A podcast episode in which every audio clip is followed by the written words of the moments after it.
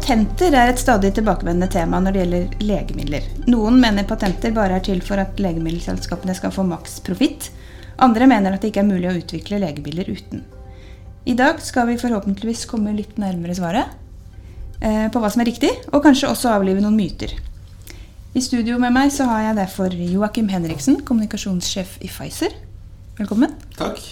Og Kari Simonsen, patentekspert og senior partner i konsulentselskapet Onsdagers. Velkommen. Takk. Eh, Kari, du har bakgrunn innen biokjemi og bioteknologi. Ja. Og jobber eh, som patentrådgiver i Onsdager, som er Norges største kompetansemiljø innen immaterielle rettigheter. Du har jobba med patenter i 30 år. Hva er egentlig en patent?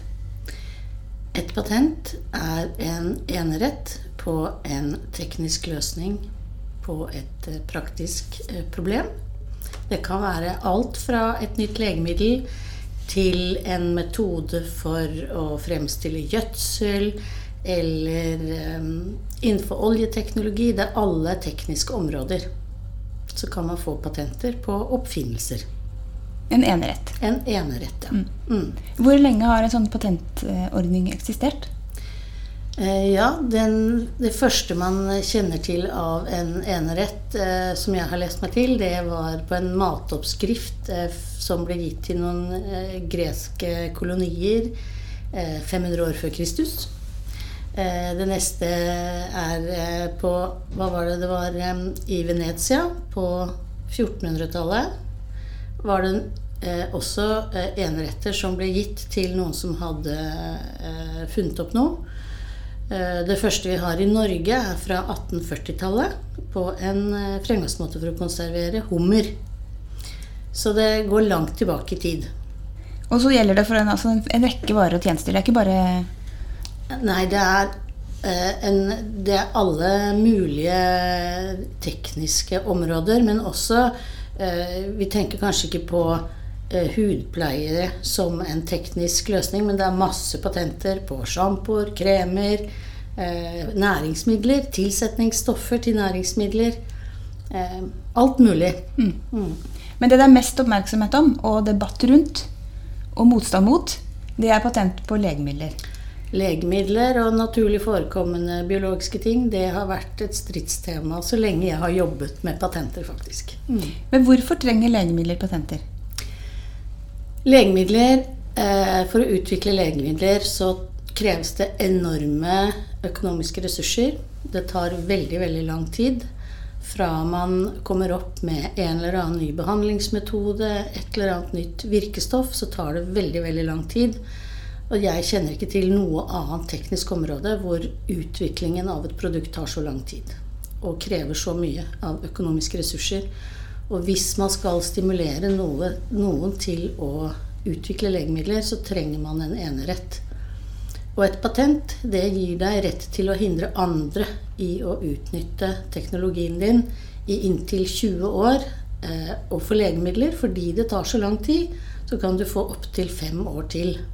Mm. Og da kan ingen uten din tillatelse utnytte den oppfinnelsen kommersielt. Altså ingen kan lage, selge, markedsføre det produktet. Eh, så hender det noen gjør det, og så blir det tvister ut av det. Men, men eh, det er det som er eh, innholdet i eneretten. Og så er det en annen side ved patenter. Og det er at patentsystemet er oppretta for å stimulere til utvikling. Sånn at når noen finner opp noe, så er det veldig mange som henger seg på å prøve å finne opp noe som er like godt. Så det kommer mye godt ut av patentsystemet i form av teknologisk utvikling. Mm. Joakim, eh, ja. du jobber jo i Pfizer, som har eh, mange patenter. Mm. Fortell litt om, om det. Nei, altså Det å drive det er helt riktig, det å drive medisinsk forskning det forutsetter rett og slett patenter. Og I løpet av de siste 30 årene som et eksempel, så har vi jo sett en kan man kalle det en langsom revolusjon i kreftbehandling. Vi har rett og slett, Man har jo hatt lenge en slags visjon om at vi mennesker i vår moderne tid vi skal klare å kurere kreft. Det vil jo være en, en helt fantastisk eh, visjon. Og i løpet av de siste 30 årene så har vi faktisk kommet halvveis. Vi har halvert dødeligheten av kreftsykdommer i all hovedsak gjennom nye medisiner. Men også selvfølgelig flinke kirurger og bedre sykehus osv. Men, men det er i veldig stor grad nye medisiner som driver det. Og den utviklingen den kunne ikke ha skjedd uten patentbeskyttelse. Hvorfor det er, ikke? Det er rett og slett så eh, kostbart å gå først i legemiddelindustrien. Altså, eh, du kan jo forestille deg en annen vare hvis du tar f.eks. en eh, sykkel. Hvis du har tenkt å kjøpe deg en veldig bra offroad-sykkel og spart penger til det, og tenker at nå skal jeg kjøpe en kjempebra offroad-sykkel, så vil jo mye av verdien i den sykkelen den vil ligge fysisk i selve sykkelen. I håndverket, i metallet, i delene. Så er det jo patenter der òg, selvfølgelig. Sikkert noen patenter på bremser og patenter på forskjellige ting. Men mye av verdien Eh, produktverdien ligger på en måte i selve sykkelen din. Ikke sant? Det at noen har brukt tiden og kreftene og, og, delene for å bygge den. Mens med medisiner så er det ikke nødvendigvis sånn. Det er det sånn at Veldig mye av kreftene de ligger i ideen. De ligger i forskningen som har skjedd før pasienten får medisinen. Og de, hvis det skal være, gi mening å bruke de enorme eh, ressursene på det, eh, så må man vite at man kan få pengene sine tilbake eh, etterpå og tjene penger på produktet i noen år. Mm. Hvis man da ikke hadde hatt patenter? Hvis man ikke hadde hatt patenter, så eh, ville eh, kommersielle legemiddelselskap ikke hatt mulighet til å investere noe i nærheten av det vi investerer på medisinsk forskning. F.eks. Pfizer bruker I fjor investerte Pfizer godt over 100 milliarder kroner i medisinsk forskning. Helt utenkelig. Det ville ikke vært forsvarlig av et privat selskap å, å legge inn de investeringene uten at man visste at Eh, når man lykkes, så er den oppfinnelsen beskyttet, sånn at vi kan få igjen noe av de investeringene. Altså jeg bare legge til en ting, at Hvis man får patent på f.eks. en ny kreftmedisin, og eh, får inntekter på den, så skal jo ikke de inntektene bare dekke utviklingskostnader til akkurat den medisinen. Og Vi lever jo i en høyrisikoverden. Vi tester og prøver ut og forsker på veldig mye. Veldig mye mislykkes. Mm. Ikke fordi vi er dårlige eller dumme, men det er bare sånn det er å drive medisinsk forskning. Mm. Sånn at når vi først da får en suksess og et patent, så skal vi ikke bare dekke utgiftene til akkurat dette produktet, vi skal dekke utgiftene også til eh, hva man kaller det cost of doing business. Altså alt det andre vi har forsket på og kanskje ikke lykkes med. Og det er snakk om 90% man mislykkes med? Ja, Det kommer an på hvordan du måler. Heldigvis er det sånn at de, mange av de prosjektene vi mislykkes med, det kan vi stanse før vi har brukt 10 milliarder kroner på det. Heldigvis. Mm. Men, men, ja, det kommer an på hvordan du måler. Men veldig mye av det vi tar i, det er jo ting vi dessverre ikke lykkes med. En misforståelse er at det er, eh, Du snakka om det er 20 års patenttid, som jo er vanlig. Men en misforståelse er at denne patenttiden starter idet legemiddelet kommer opp på markedet. Eh, men sånn er det vel ikke? Nei, det er jo ikke riktig. Det, det vet kanskje du også mer om. Eh, men eh, i praksis så har man i vår bransje kanskje en 10-12 år f.eks. I, i, en normalt, i et normalt case på markedet hvor man kan få lov å tjene inn den, den utviklingskostnaden. Kari, kan du si litt mer om det med denne 20 års patenttiden, og når den begynner å løpe? Den begynner å løpe fra innleveringsdatoen. Så hvis du leverer inn en, en patentsøknad i Norge i dag, så eh, vil beskyttelsen gjelde i 20 år fra i dag. Eh, og når det da tar 15 år å utvikle et legemiddel fort, 15 år, kanskje mer, så er det jo ikke så mye igjen av den eh, patenttida når eh, produktet først kommer på markedet. Eh, og det er jo også derfor man har for legemidler denne muligheten for inntil fem år til. Det er fordi man skal få en reell mulighet til å tjene igjen eh, inn kostnadene ved eh, utviklingsløpet. Det tar mye fortere å utvikle og komme på markedet med en girdel til en sykkel. eh, ja. Mm. ja. Så hvis man har brukt 15 år på å utvikle et legemiddel, og det er 20 års patenttid, så har man altså fem år igjen av patenttiden idet det kommer på markedet? I, I, verste fall, ja. Så kan du da få fem år til. Og så er det jo ikke bare ett produkt er som regel, eller veldig veldig sjelden, dekket av bare ett patent. Fordi at fra det øyeblikket du finner en, et virkestoff, så skal du pakke det inn i en bra nok eh, eh, formulering, og så skal du få en bra nok og økonomisk drivbar prosess å fremstille det. Og så har du alt det regulatoriske eh, som kommer i tillegg til all den tekniske utviklingen. Så det er jo et kjempeløp. Hvor mange patenter er det f.eks. på koronavaksinen til Pfizer? Det har jeg faktisk ikke oversikt over. Eh, veldig mange, altså Hovedvekten av eh, patentene når man snakker om Pfizer og covid-vaksine, de ligger jo hos Biontech, som er Pfizers eh, samarbeidsselskap.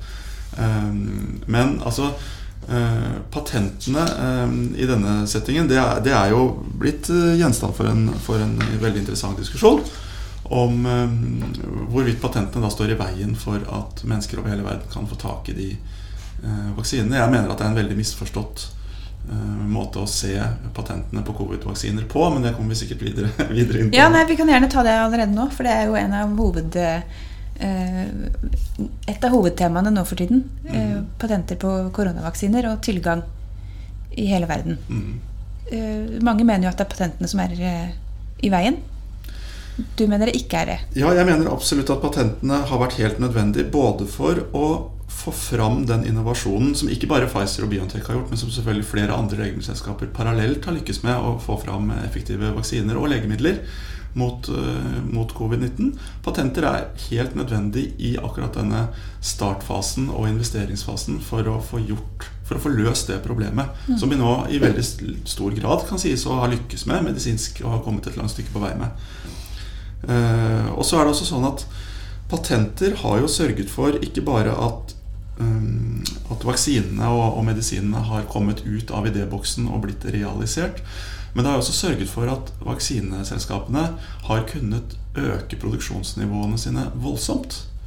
Nå snakker vi jo 2022, og vi er allerede kommet opp i et globalt produksjonsnivå på vaksiner som har krysset 10 milliarder enheter, og kanskje opp i 12-13-14 milliarder vaksiner nå. Vi er i ferd med å rett og slett mette hele verdens behov for disse vaksinene produksjonsmessig.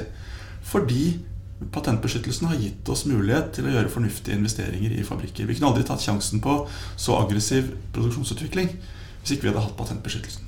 Men hvorfor, hvorfor, er det ikke bare å frigi patentene nå, så kan hvem som helst få lov å produsere de, så blir det enda flere vaksiner? For det er vel mange ja. som mener at det ikke er nok ja, og vaksiner? Her, her, ligger det jo to elementer. Det ene er at uh, det generelle argumentet ikke sant, om at uh, legemiddelselskap sånn som Pfizer de burde få lov til å beskytte investeringen sin fordi vi skal tjene inn pengene i den andre enden.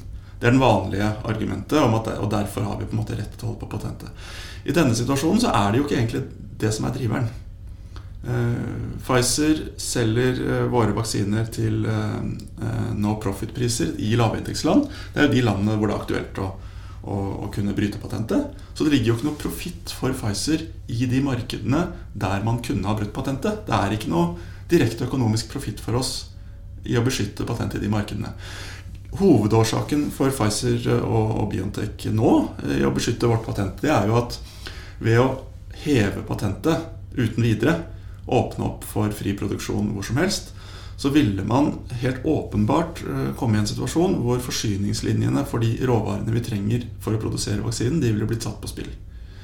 Plutselig eh, risikerer man da en, det man på engelsk kaller en 'scramble for resources'. At veldig mange har lyst til å kjøpe de samme eh, produktene som vi trenger for å, de, for å, for å produsere de vaksinene. Vi ville antageligvis fått en situasjon hvor mange forsøker å bygge opp fabrikkapasitet. Prøver å få tak i noen av de bestanddelene man trenger til produksjon. Ingen får produsert. Alle mangler noen deler. Eh, fabrikker bygges opp, men produksjonen går ned. Det ville vært på mellomlang sikt det resultatet eh, vi, vi, som er et høy sannsynlighet for at det ville skjedd hvis vi hadde bare uten videre hevet patentet. Er du enig i det, Kari? Ja, og jeg tenker litt på kvaliteten også. Altså Hvordan skal du sikre at de produksjonsstedene som settes opp, har god nok eh, kvalitet. For det er jo det er så mye mer enn patenter som skal til for å produsere et legemiddel. Det er, altså det regulatoriske. Det er sikkert masse know-how som ikke står noe skrevet i noen patenter. Ehm, så det er, det er veldig mange aspekter ved akkurat eh, det å bare gi frislipp. Jeg mm. tror ikke det ville tjene noen. Eh, jeg lurer litt på Uh, tenk litt på det siden i går. Um, India uh, ratifiserte denne TRIPS-avtalen i 2002. Det hadde vært ganske interessant å se hva har skjedd med indisk legemiddelindustri siden det. Fordi uh, min erfaring er jo at de har utstrakt samarbeid med mange store legemiddelselskaper. Og jeg tror det har bidratt til å utvikle legemiddelindustrien i India. Mm. Så de er kanskje i større grad i stand til å lage høykvalitets legemidler i dag enn det de var den gangen. Mm. Ja, det er absolutt en mulig sammenheng. Og så har du helt rett i at det er jo eh, også en mye skal man kalle det rett og slett produksjonsmessig know-how som, som, ligger her, som også er nødvendig. Et eksempel på det er det er kanskje ikke så godt kjent, men Moderna gikk jo ut med en pressemelding eh, ganske tidlig i pandemien, når, eh, rett rundt at de fikk godkjent sin vaksine for godt over et år siden, om at de ikke ville straffeforfølge brudd på uh, sitt patent. Allikevel eh, har ikke jeg sett noen Moderna-fabrikker poppe opp. Eh, Det er jo ikke bare å sette i gang og kopiere og produsere, selv om oppskriften er tilgjengelig. Nei, for det, Hvis du har en stor lagerbygning, da, så har du lyst til å sette opp en vaksinefabrikk der. Hva må til da? Hvis du har eh, ubegrenset med økonomiske eh, ressurser, eh, så ville du kunne kjøpe det beste av de maskinene man trenger. Og så ville du kunne sette opp eh, en eh, produksjonsenhet, gitt at du fikk de beste rådene da, fra de eksisterende fabrikkene om hvordan dette kunne gjøres.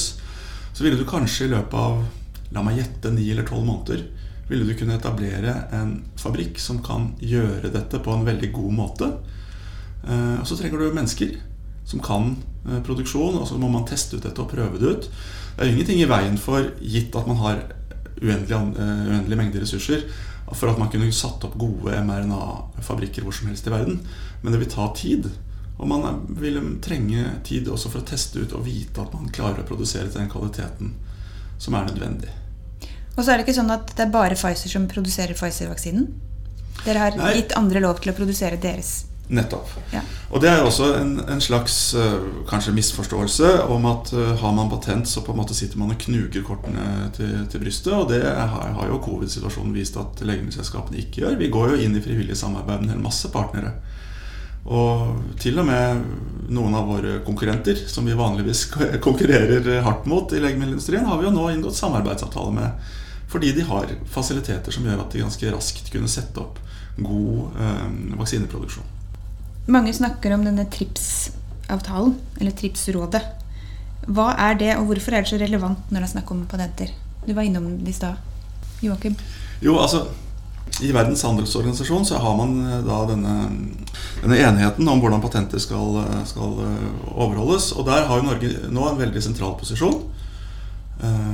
Sitter i leder, lederstolen? Ja, vi sitter i lederstolen, representert av Utenriksdepartementet, og har ansvar for å finne en løsning på forslag om eh, hvordan man skal håndheve covid-patenter.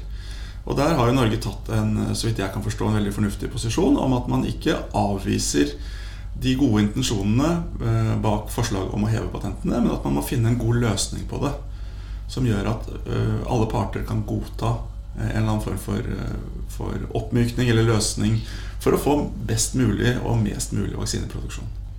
Men når det gjelder tilgang til legemidler i, i Afrika f.eks., som det ofte er snakk om, ikke bare koronavaksiner, men, men andre typer legemidler, eh, er det patenter som er hoved, eh, hovedproblemet der? Eh, Jeg tror det er mange av de samme det vi har sett med, med produksjon av vaksiner. Da. Det, det krever høy teknologi og store ressurser for å igangsette produksjon.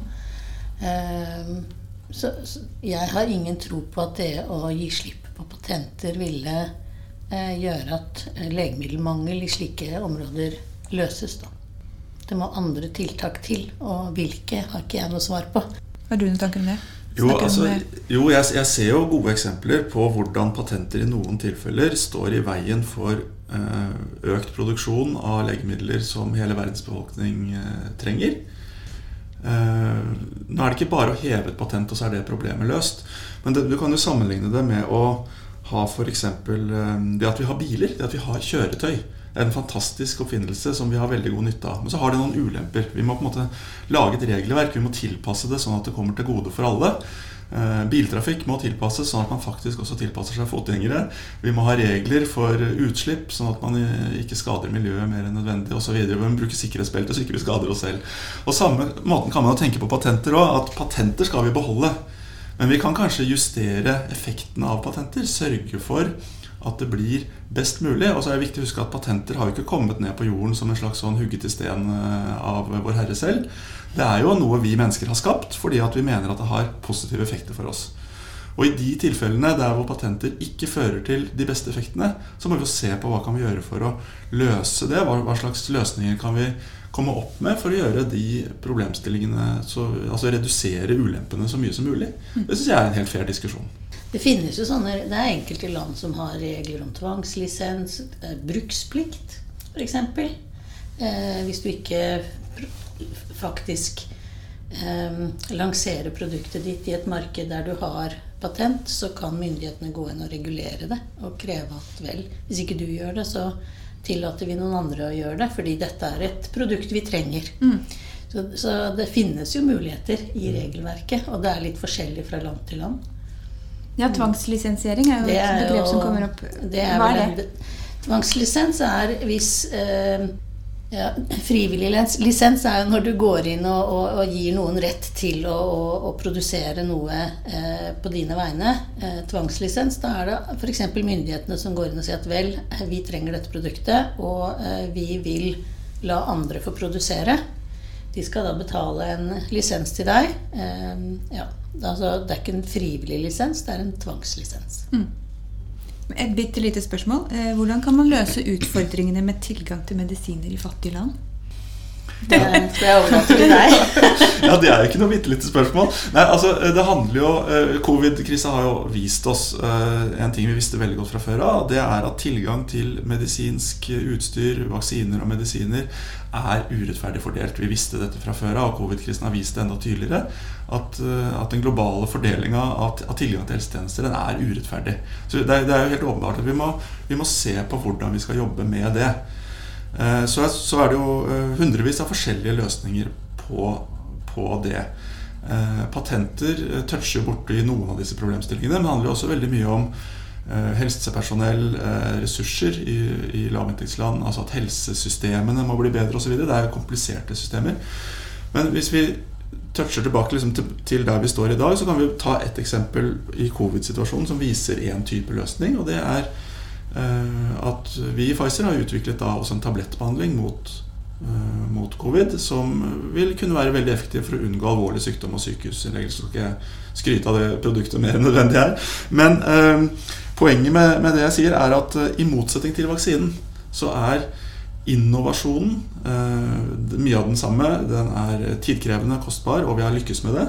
Men produksjonen av disse tablettene er relativt enkel. Mye enklere enn Mye enklere enn vaksine, vaksineproduksjon. Og da har vi i Pfizer gjort det som jeg, tror mange er enige med oss er riktig. Da har vi sagt at når det gjelder produksjon av disse tablettene mot covid, så er det rett og rimelig at det skal kunne produseres fritt i store volum i lav- og lav middelinntektsland. For de skal slippe å betale for innovasjonskostnaden som de rike landene heller får være med og spleise på. Og da har vi sagt at uh, lav- og lav middelinntektsland skal kunne bryte det patentet og produsere til eget behov så mye de vil uten å betale royalties til Pfizer. Det var en ganske enkel beslutning som ble tatt tidlig. Mm. Det er jo en løsning for å, for å på en måte myke opp det som kan være negative siden av patenter, men fortsatt beholde den positive siden. At de rike landene de får da betale oss litt mer enn produksjonsprisen for å, for å betale for innovasjonen. Så det viser jo også hvordan eh, patenter kan stimulere utvikling. Da. Vi har vaksiner, eh, og de vaksinene kan ikke nødvendigvis distribueres, har jeg forstått, eh, overalt hvor det ikke er eh, fryse- og kjølelager. Eh, men det er jo veldig mye enklere å distribuere tabletter. Og så har man utviklet det som et alternativ til vaksiner, der man ikke kan like lett distribuere det. Så sånn sett så er det et glimrende eksempel på innovasjon og hvordan man kan stimulere til nye løsninger. Mm. Leger uten grenser er jo blant dem som sier at patentbeskyttelsen innebærer at legemiddelselskapet som har patentet, selv kan sette prisen på legemiddelet, ettersom det ikke er noen konkurranse fra andre aktører. Er det riktig?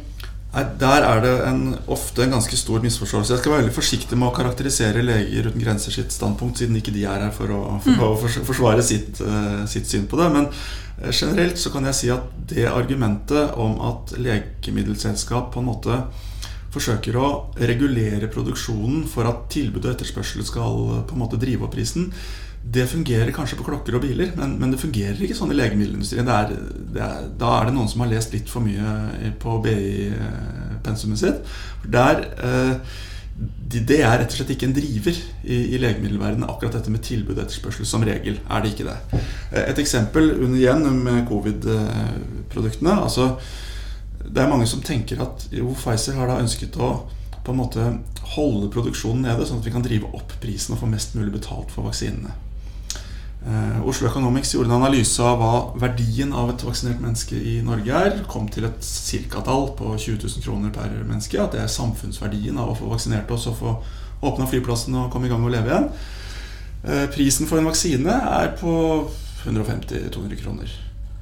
eh, under 1 per, per sprøyte av hva som er den reelle samfunnsverdien. Er helt åpenbart at vi ikke har beveget oss i nærheten av hva som er verdien av vaksinen. Det er ikke sånn at vi har forsøkt å liksom maksimere eh, betalingen for den vaksinen. Snarere tvert imot har vi lagt oss på et uhyre lavt prisnivå på disse vaksinene i rike land. Eh, sånn at tilbud og etterspørsel for å drive opp pris Det har rett og slett ikke noe med disse problemstillingene å gjøre. Mm. Mens for andre legemidler så ønsker man at prisen skal gjenspeile verdien. Ja, det er riktig. Og det, eh, det, er jo sånn at eh, når Det er en annen del av diskusjonen. Når vi f.eks. lanserer et nytt kreftlegemiddel i Norge, et rikt land, så har vi jo sett mange eksempler på det siste året at de koster jo relativt mye penger. Og da må man stille seg spørsmålet hva er riktig pris? Hvordan vet du at en ny kreftmedisin er verdt 50 000 kroner per måned? Er den verdt 100 000 kroner per måned? Eller er den kanskje verdt bare 5000 kroner per måned?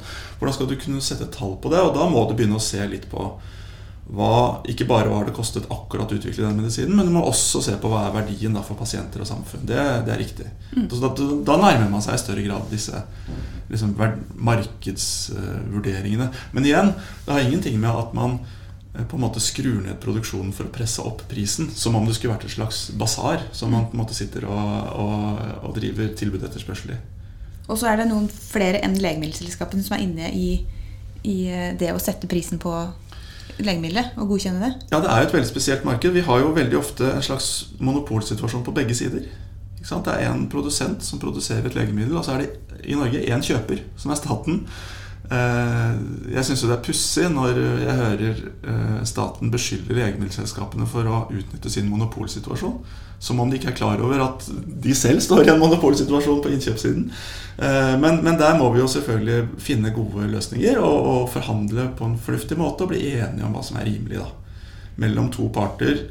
Som, og da er det veldig lite marked igjen. på en måte Da er det én part på den ene siden og én part på den andre siden som må finne fornuftige løsninger. Kari, når patentet har gått ut, da, hva skjer da med prisen? Eh, hvis det kommer konkurranse, eh, som det da kan gjøre, fordi det er ikke noen rettigheter knytta til produktet lenger, eh, så eh, er det vel legemiddelmyndighetene som eh, setter pris på eh, det generiske legemiddelet. og da reduseres det trinnvis ned til en veldig lav pris. Og det er vel et år bruker, bruker omtrent på å komme helt ned i bånn av den trinnprismodellen. Mm. Ja, hva, hva, går denne trinnprismodellen ut på? Kan du forklare den litt nærmere? Ja. Eller kan du ikke forklare den litt nærmere? Nei, altså, det, er, helt riktig som du har forklart. Altså, det er Prisen stuper eh, gjennom en regulering, ikke, ikke bare pga. markedskreftene, om du vil. Eh, men man, man, skrur prisen rett og slett ned. Det er, en, det er en modell man er enige om å bruke i Norge. Eh, og så kommer prisen ned på typ kanskje 70-80% ned eh, fra opprinnelig pris. Men så er det jo sånn at hvis et generisk selskap kan lage denne medisinen enda mye billigere, så kan jo selvfølgelig helsevesenet begynne å kjøpe den. Eh, og når det er ti produsenter som kan lage en medisin, så begynner jo konkurranse og markedskrefter i større grad å slå inn. Hvem kan tilby en god vare til den laveste prisen? Og den, det produktet har jo norske sykehus kanskje lyst til å kjøpe. Et generisk legemiddel er altså et kopilegemiddel. Mm. Ja, og her er det veldig viktig å få fram Det prøver vi i alle sånne diskusjoner å få fram at kopimedisiner det er jo altså ikke det samme som falske medisiner. Nei. Det er ekte, gode kopier som lages på en ordentlig måte. Eh, og som kalles på samme oppskrift. På samme oppskrift, og som kalles generiske kopier, og som er trygge å bruke. Mens falske legemidler er sånn som lages i kjellere med veimaling og alt mulig rart. Ja, Der var vi en helt annen, helt annen del av diskusjonen. Bare, men det er bare viktig at, at, folk eh, får med seg forskjellen på det. Når vi snakker om generiske kopier, så er det altså gode, eh, gode kopier mm. som er laget eh, på lovlig måte. Du ser faktisk det i patentlitteratur. Altså Man kan jo gå inn og søke opp patenter. De ligger jo offentlig. Alle patenter er offentlige. Du kan gå inn og lese. Og du ser når det nærmer seg utløp for et legemiddelpatent, som er sånn type blockbuster-patent, dekker et viktig legemiddel, så kan du se at når det nærmer seg utløpet av patenttiden, så kommer det masse patenter knytta til det produktet. På fremstillingsmetoder, nye formuleringer eh, osv. Fordi da, da vet man at fra et visst tidspunkt så er det fritt. Da kan vi også selge. Og da utvikler folk sine egne produkter basert på samme virkestoff, f.eks. Mm. Mm. Men da kan det bli vanskelig å overleve da, for et legemiddelselskap? Ja, er, For vår del er jo dette litt sånn the name of the game. At vi må eh, hele tiden utvikle nye medisiner. Det er det, det, er det vi gjør. Og det er, det er, jo på en måte derfor dette systemet fungerer så bra. Fordi at vi Altså Helsevesenet vårt og vi som er mennesker og pasienter, vi trenger ikke bare tilgang til de medisinene som fins, vi trenger nye og enda bedre medisiner. Uh, Pfizer har brukt et ukjent antall milliarder kroner på å forske på demens ennå ikke lykkes. Veldig mange andre har gjort det samme. Eh, enorme investeringer som har gått i demensforskning. Ja. Og så har vi kanskje kommet et skritt videre, kanskje utelukket noen mekanismer, kanskje kommet, blitt litt klokere på veien.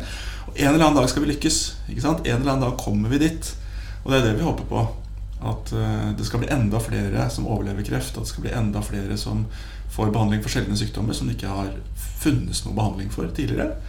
Og at f.eks. sånne som oss, vi som sitter her i dette rommet, at om 30 eh, år, hvis en av oss eh, mot formodning håper jeg, skulle få en demenssykdom, eh, så finnes det en medisin mot det også, håper jeg. da. Det er det, det er det, vi driver med. Ikke bare produsere de som fins, men å utvikle nye, gode medisiner. Er det vanskeligere å få patenter eller søke patenter på nye typer behandlinger? Nå snakker vi ikke tradisjonelle tabletter, men genterapi, celleterapi Patentsiden av det vet jeg ikke om er uh, vanskeligere, men det åpner opp noen nye problemstillinger. om Er det, er det egentlig en medisin man selger, eller er det en teknologi? Det en, ja, det er, man kan få Det er masse patenter på biologiske legemidler også. Man må utforme patentet litt annerledes, uh, men det er fullt ut mulig. For uh, disse covid-vaksinene så er det ganske interessant å se at der er det jo virkestoffet i Pfizer og Moderna er jo et lite mRNA-molekyl. Eh, og for altså, rundt eh, midten av 2000-tallet så jobba jeg med et selskap som hadde det som virkestoff i kreftbehandling. Men de lykkes ikke fordi de hadde ikke noen måte å levere det mRNA-molekylet på. Mm. Fordi det går veldig, det degraderes veldig fort.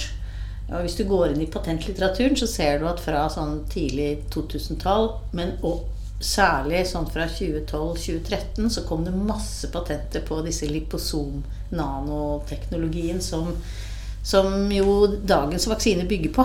Og det viser noe om det løpet. Man visste for nesten 20 år siden, eller 20 år siden at mRNA-molekyl kunne være veldig bra eh, virkestoff. Men man hadde ingen måte å få det inn i kroppen på på en ordentlig måte. Og det har vi faktisk brukt da nær 20 år på å utvikle. Og det er mange selskaper som har prøvd seg og har ulike da sånne nanoteknologiformuleringer. Eh, så du ser jo den lange tida og utviklingen i patentlitteraturen. Hvordan er det, Søker man patent på et legemiddel hele, som gjelder for hele verden? Eller må man søke i hvert enkelt land? Du må gå inn i de enkelte landene du ønsker patentbeskyttelse i, men så finnes det ordninger som gjør at du kan begynne et sted. Eh, du kan begynne i Norge eller i England eller hvor som helst, og så kan du bringe den patentsøknaden ut i verden. Men men the end så må du ta beskyttelse der du ønsker å være, i det markedet du ønsker. Mm. Så det er ikke sånn 'shit, jeg glemte Luxembourg', og så er det noen der som stjeler ideen? I, I, verste fall, jo. men, men, eh, men hvis, du, hvis, du, ikke Hvis du De fleste altså Det gjelder jo også legemidler, er jo eh, viktige i alle markeder. Sånn at eh, legemiddelpatentering er også veldig kostbart, fordi du dek, vil gjerne dekke veldig, veldig store deler av verden. da. Eh, mens hvis du skal lage ski, så holder det med der det er snø. Eh, stort sett. Mm. Men det er altså steile fronter i patentspørsmålene. Eh, finnes det en gyllen middelvei, et sted på midten som man kan møtes?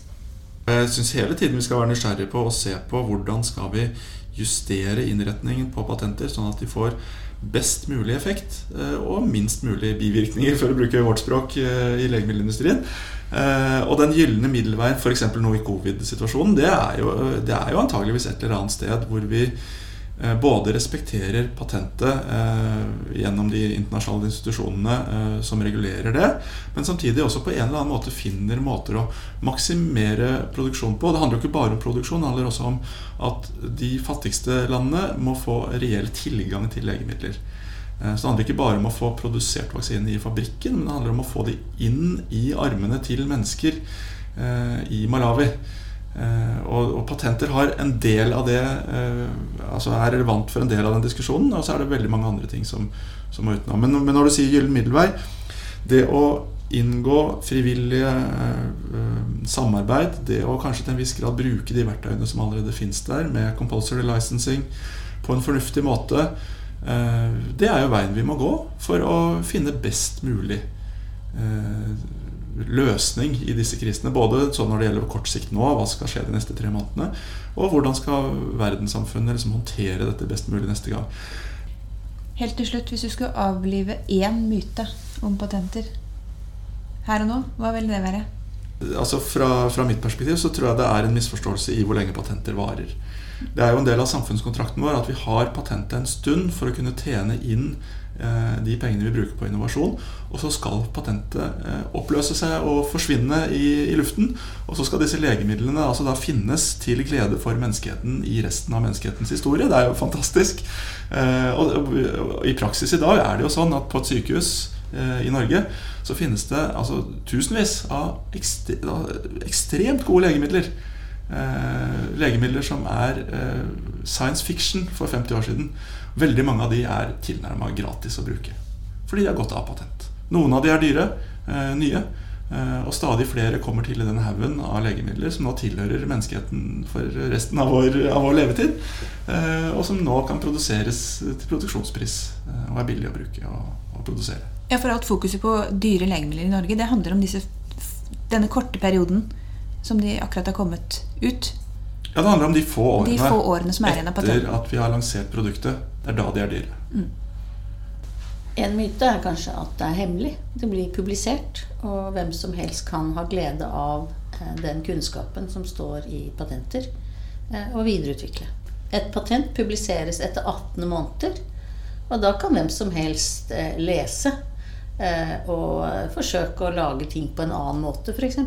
Det er jo derfor vi har Pfizer og Astra og ikke sant? Mange har kommet opp med ulike løsninger.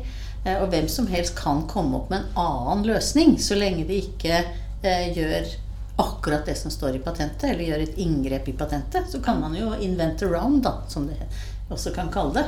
Ja, Så de har lang tid på å forberede seg på å ta over? Ja, ja. De skal ikke begynne på dag én? Nei, når det har gått det, de kan, altså vi, jeg overvåker jo eh, patenter for mange av mine kunder for å følge med på hva kan vi gjøre, og hva kan vi ikke gjøre. Eh, og det er nettopp fordi at man ønsker ikke å, å, å, tråkke på andres rettigheter. Men man vil finne den veien som er utenom. Mm. Mm, og det kan man fritt gjøre. Mm.